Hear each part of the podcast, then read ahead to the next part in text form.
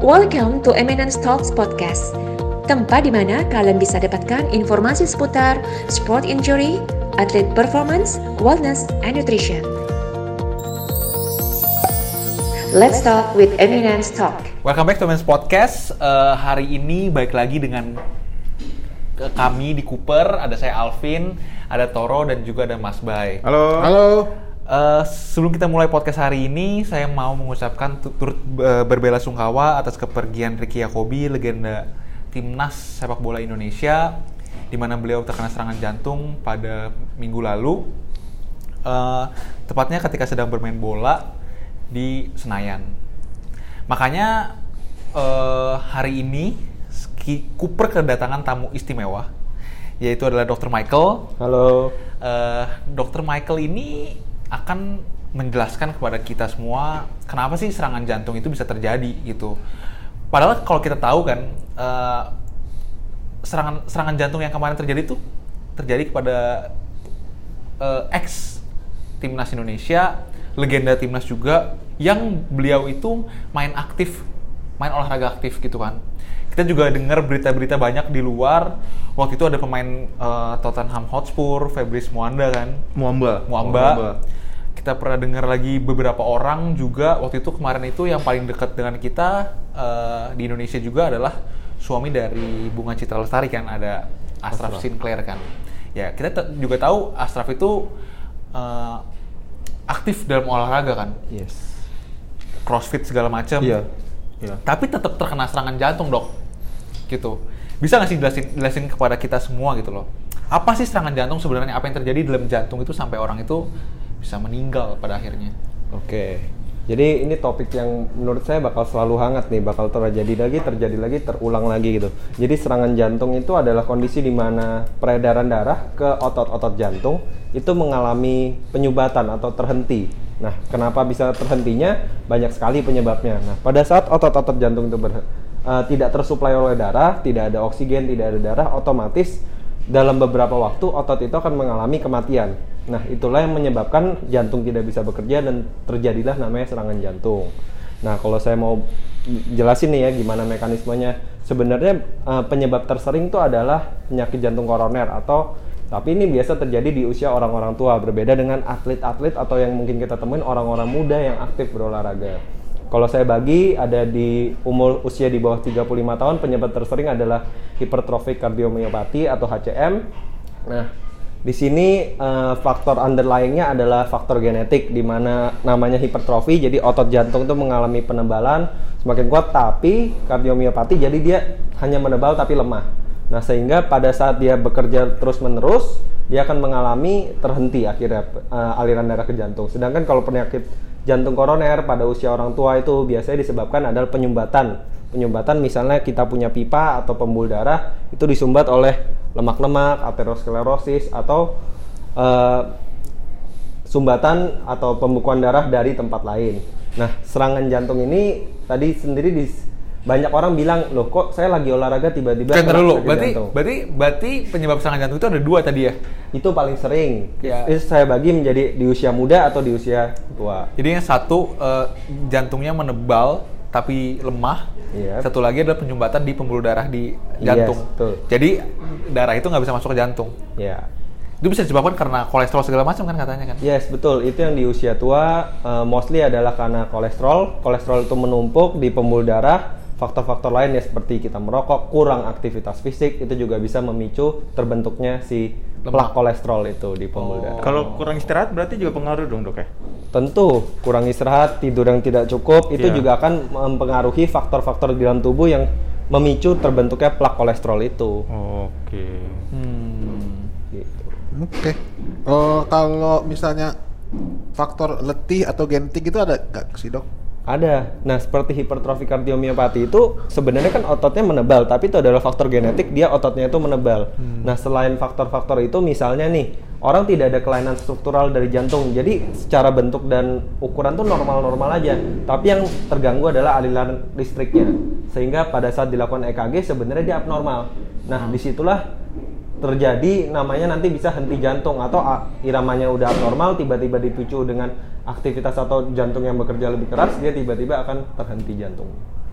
gitu. Nah kalau itu uh, untuk si kasus henti jantung itu apa mengenal taruh kita mengenal usia atau enggak sih dok? Anak muda bisa terkena atau Karena karena banyak kejadian kan yang terkena pada anak-anak muda loh anak-anak serangan muda yang sekarang ya. relatif- Iya relatif relatif Yes. masih Iya. umur umur muda gitu kan? Belasan aja ada loh. Iya kan? Yes, betul. Nah, Nah, itu- itulah yang saya bagi bahwa kalau di usia muda umumnya adalah punya kondisi underlying atau yaitu ada gangguan irama jantung atau tadi punya genetik seperti HCM dan lain-lainnya. Karena ada faktor-faktor itu biasanya sih ya tidak mungkin terjadi henti jantung tiba-tiba tanpa ada penyebab mendasarnya. Oh. Itu dulu. yang ada gejalanya. Ada kan? gejalanya berarti ya. Yes. Gejala-gejala nih kalau boleh saya sharing, Iya. otomatis dengan otot kita tidak mendapat suplai darah, gejala yang muncul pertama itu nyeri, nyeri di bagian dada atau rasa seperti tertindih.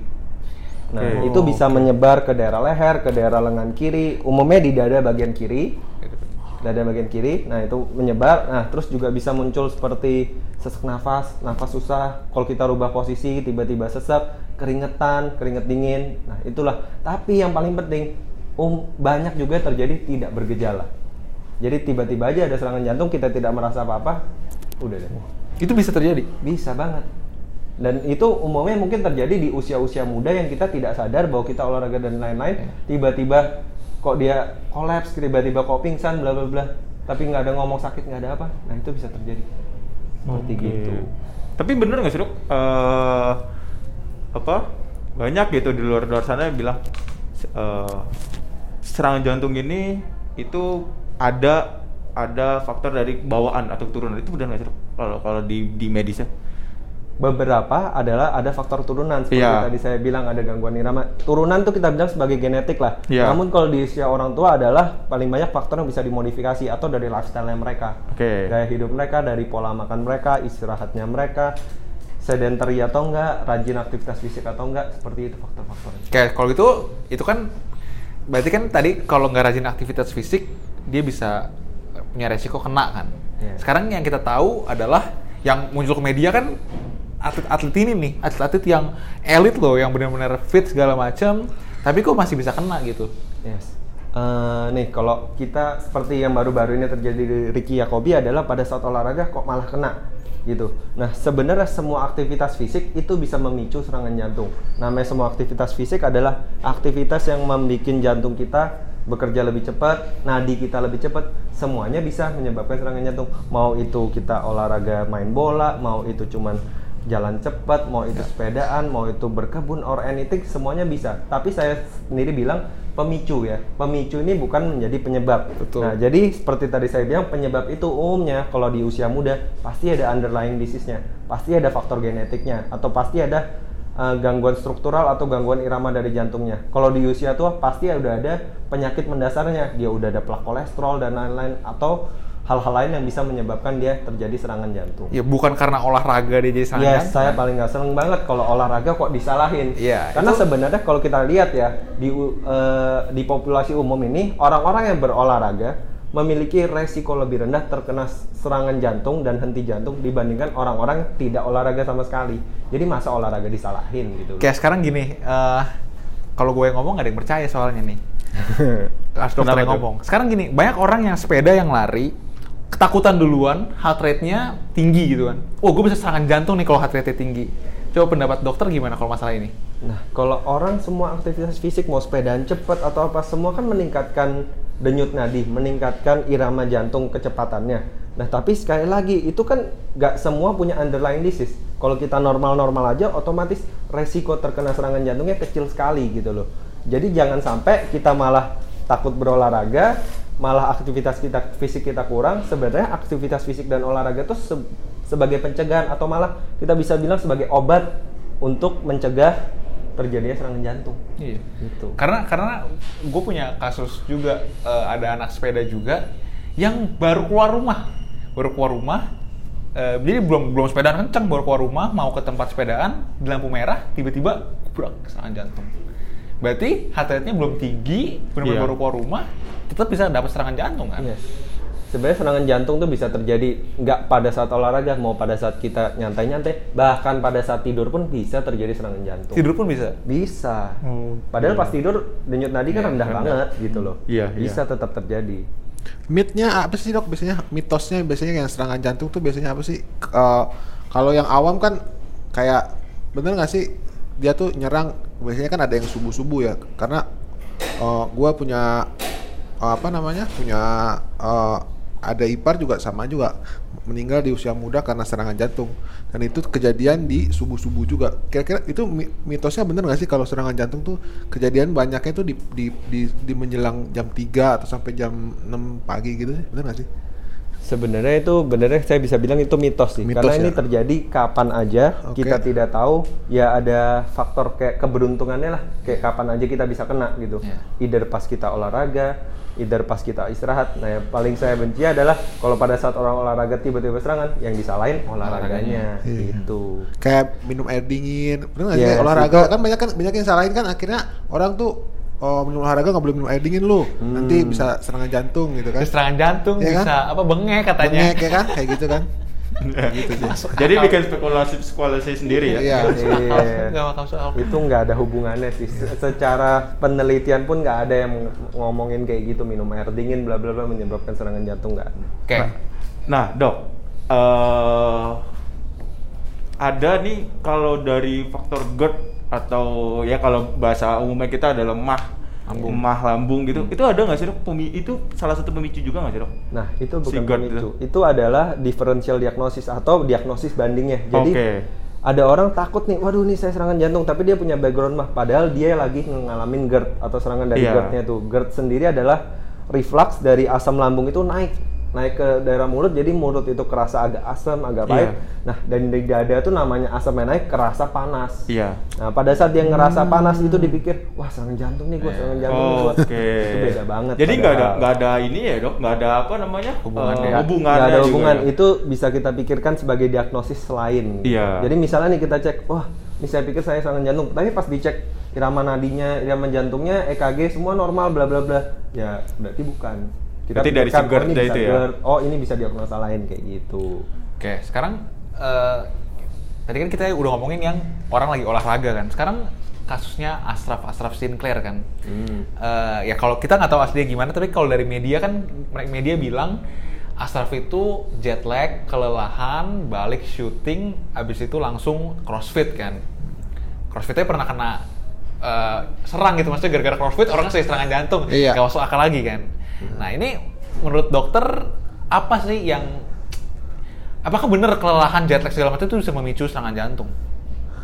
itu bisa memicu sebagai faktor faktor resiko. Jadi seperti Asraf sendiri kan sebenarnya memang dia crossfit, tapi meninggalnya adalah pada saat malamnya. Dia Betul. pulang, berarti kan saya bisa bilang pada saat rest, pada saat Ya. nadinya mungkin sudah menurun. Mungkin efek dari crossfit makin lelah, makin metabolisme makin naik, tapi secara nadi dia makin menurun kayak gitu loh.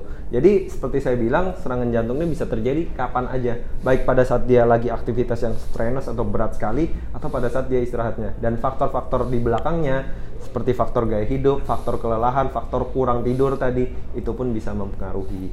Nah, kan gaya hidup kan. Terus apa yang harus dilakukan untuk pencegahan biar nggak kena serangan jantung?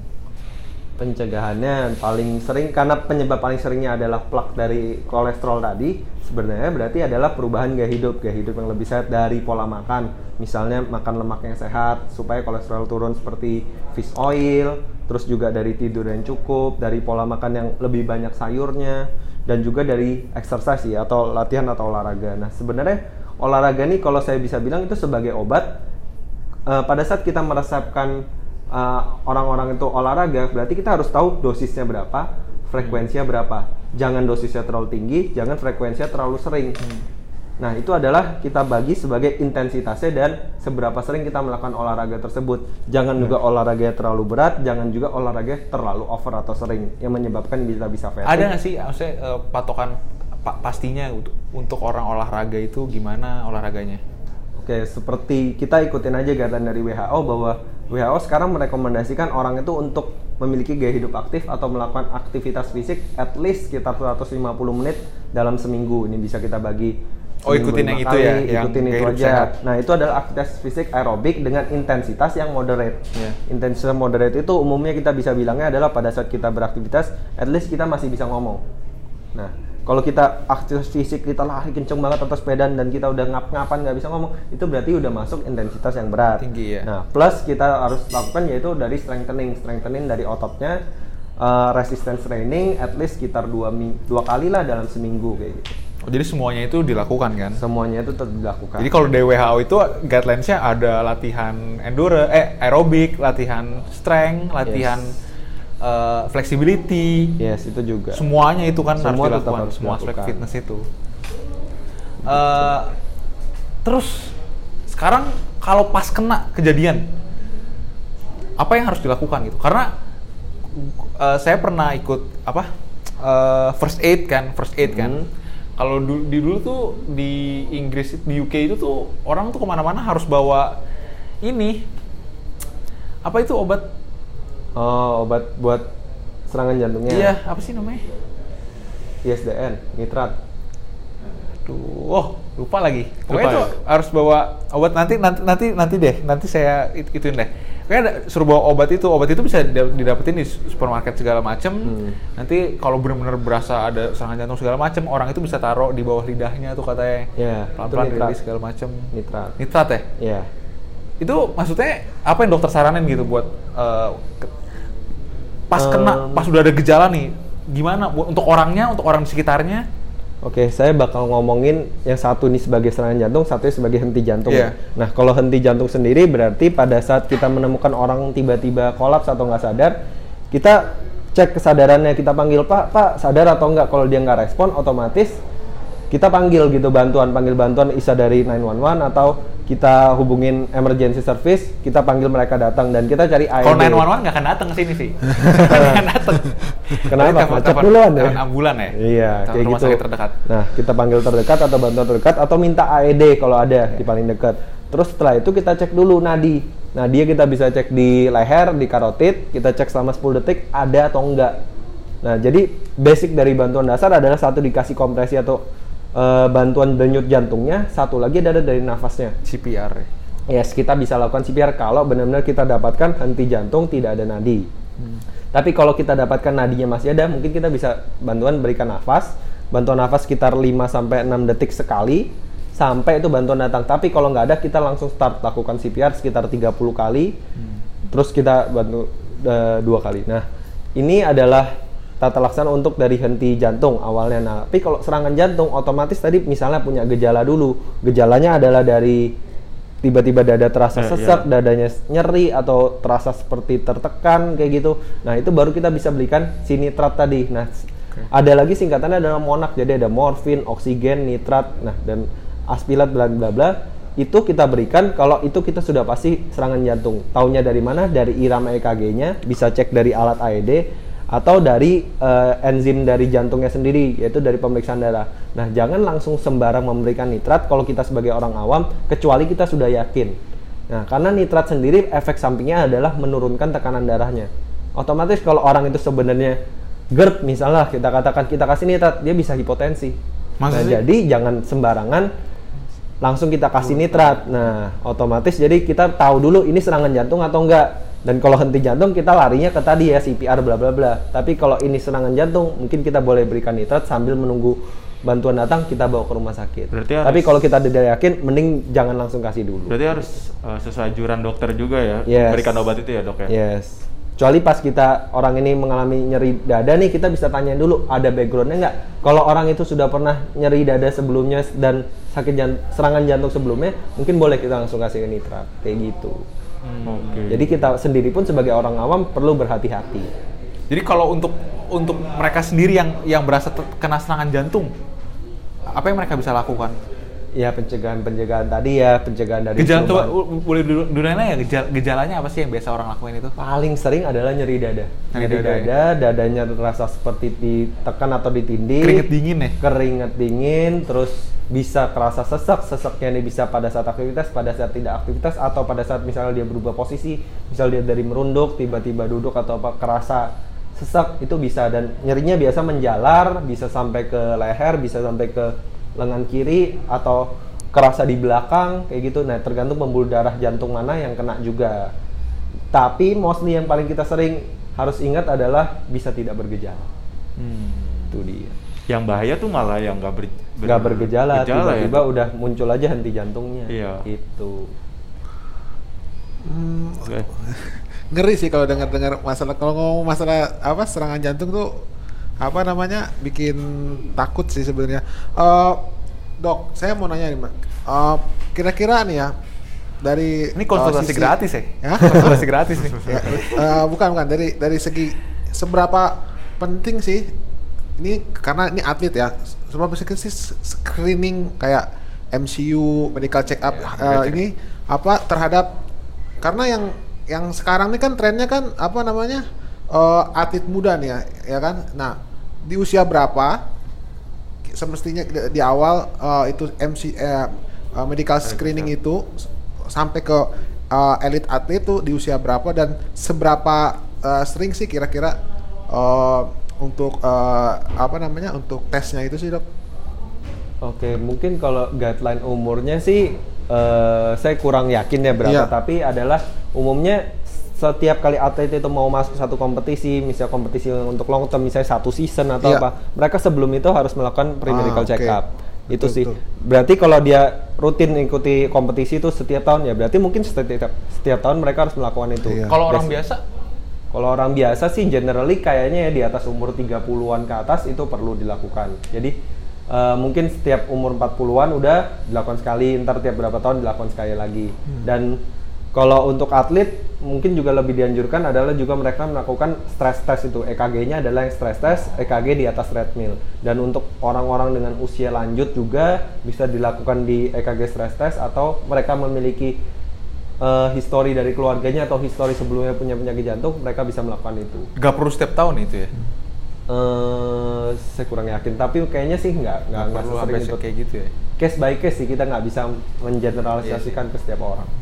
Nah itu kan untuk atlet ya dok. Tapi kalau untuk orang awam biasa itu bagaimana? Maksudnya kan orang orang awam ya yang bukan latar belakang atlet juga ada pasti punya ini dong punya perasaan wah gejala-gejala ini apa ada di apa ada di gua gitu kan. Nah itu anjuran untuk orang awam bagaimana dok? Ya, itu- MCO itu.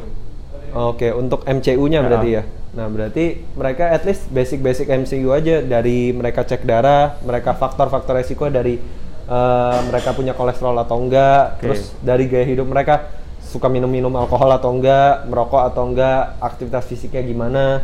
Kalau memang memiliki faktor-faktor resiko itu ya mereka perlu melakukan MCU lebih rutin. Iya. Oh, Gitu aja. oke. Jadi balik lagi ke gaya hidup. Kalau Yes. untuk orang awam balik lagi ke gaya hidupnya mereka ya dok. Oke, eh, saya rasa itu aja ya. Kayaknya poinnya udah tersampaikan semua kan.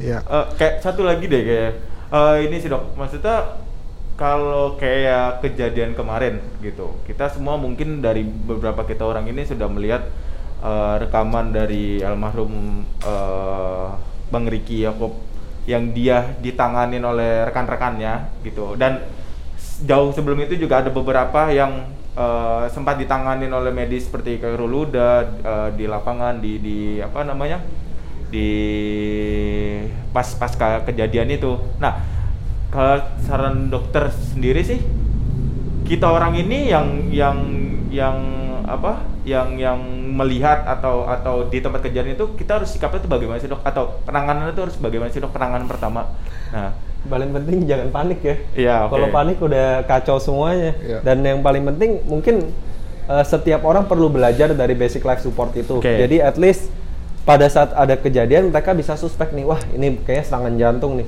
wah ini henti jantung nih atau bla bla bla. Dan mereka bisa koordinasi satu misal, oke saya yang melakukan kompresi misalnya ini benar-benar henti jantung, oke saya yang melakukan nafas. Nah itu mereka bisa udah koordinasi dan siapa yang paling penting ya siapa yang memanggil medis terdekat, Iya. siapa memanggil ambulans terdekat. Karena kuncinya adalah di timing itu ada golden time period di mana serangan jantung ini harus segera ditangani dan penanganannya apa. gitu. berarti seperti kayak kejadian Febris Muamba yang dulu Yes. gitu ya kan Nah, Tertolong kan? Tertolong Tertolong, ya karena akhirnya. profesional sekali juga Iya. tim medisnya bla bla bla. Berarti Gitu. untuk kita orang ini yang orang awam berarti kita jangan nutup mata lah pada medis gitu ya kan. Iya. Apalagi kalau kita senang berolahraga kayak gitu. Jadi setidaknya kita jangan nutup mata gitu. Karena memang juga ada beberapa beberapa posisi-posisi juga untuk penanganan eh, apa kasus-kasus anti jantung atau serangan jantung itu gitu. Ya salah satunya adalah eh, memposisikan si eh, orang tersebut Ya, gitu. betul. Ya kan dari kepalanya, dari kita cek dari eh, mungkin kalau yang sekarang-sekarang ini lihat bagaimana rongga mulutnya apakah lidahnya tertelan kayak gitu-gitu kan dok. Hmm. bisa bernafas pernah apa aliran da- nafasnya bisa lancar atau enggak Iya, iya kayak gitu-gitu sih. Terakhir paling penutup dok, saya mau nanya chance chance to survive-nya kira-kira berapa persen sih dok? Oke. Karena gini, tahun lalu Iker Iker kalau dengar cerita Iker Casillas juga dia hard Oh, iya, juga. iya, iya, benar. Yes, Iker Casillas juga pernah nih. Survive juga dan nah itu kan ada chance to survive ya Benar, benar. untuk hidup.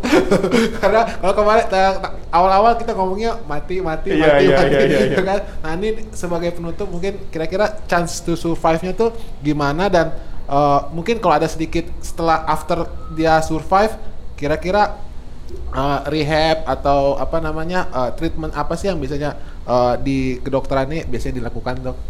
Oke, chance to, to survive-nya saya kembalikan lagi ke golden time period-nya. Jadi Oke. semakin cepat ditangani, chance survival-nya semakin gede. Oke. Gitu.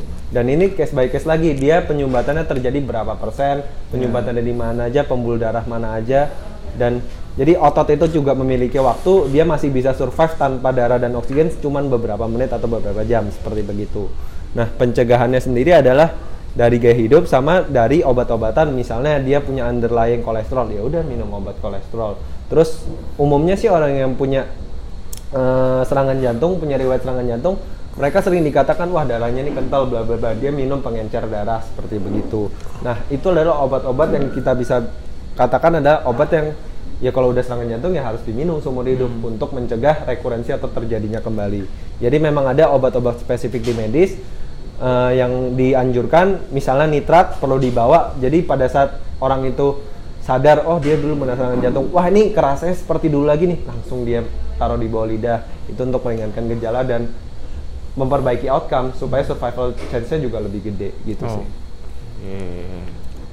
Oke, kata-kata terakhir dok, ada yang mau disampaikan nggak? Oke, Eh, semoga kita semua eh, jangan sampai salah kaprah, jangan kemakan sama mitos.